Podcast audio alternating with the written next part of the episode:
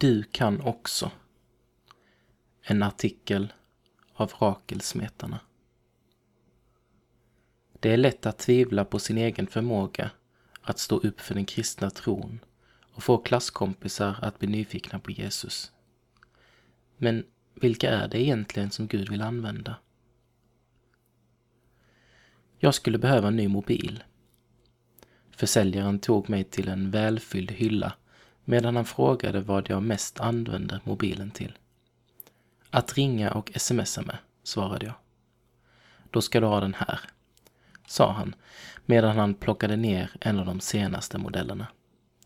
Skickligt och med största vältalighet började han beskriva varför jag behövde just den, trots att den var ett par tusen kronor dyrare än många andra.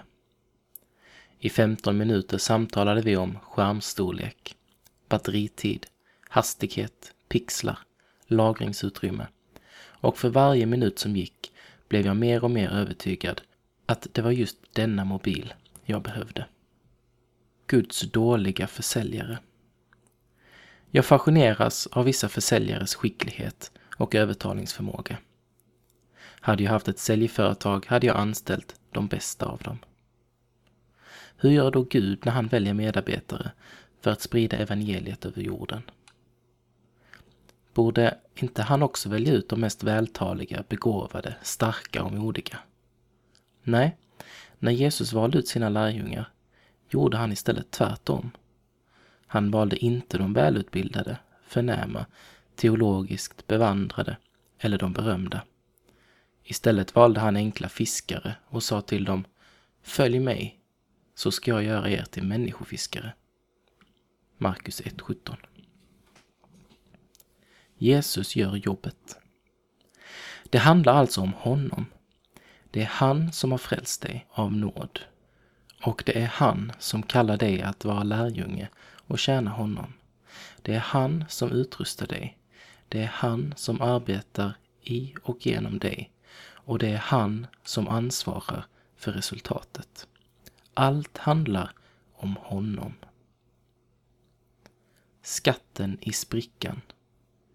I Andra Korintierbrevet 4, vers 7 står det Men denna skatt har vi i lerkärl för att den väldiga kraften ska vara Guds och inte komma från oss. Vilken vacker bild! Ett lerkärl är skört och kan så lätt spricka. Men vad händer när det spricker? Jo, då blir skatten synlig. Du bär på en skatt och den skatten heter Jesus. Mitt i din brustenhet kan människor på din skola få syn på denna skatt. Gud kan använda dig, trots dina brister och misslyckanden. Ja, kanske just därför. För i din svaghet framträder hans kraft. Skattens sken letar sig genom sprickorna. Det handlar alltså inte om dig, din prestation, dina förmågor, din frimodighet, ditt mod eller din styrka. Det handlar om Jesus. Det enda han vill ha av dig är din villighet att följa honom, låta dig formas av honom och användas av honom. Vill du?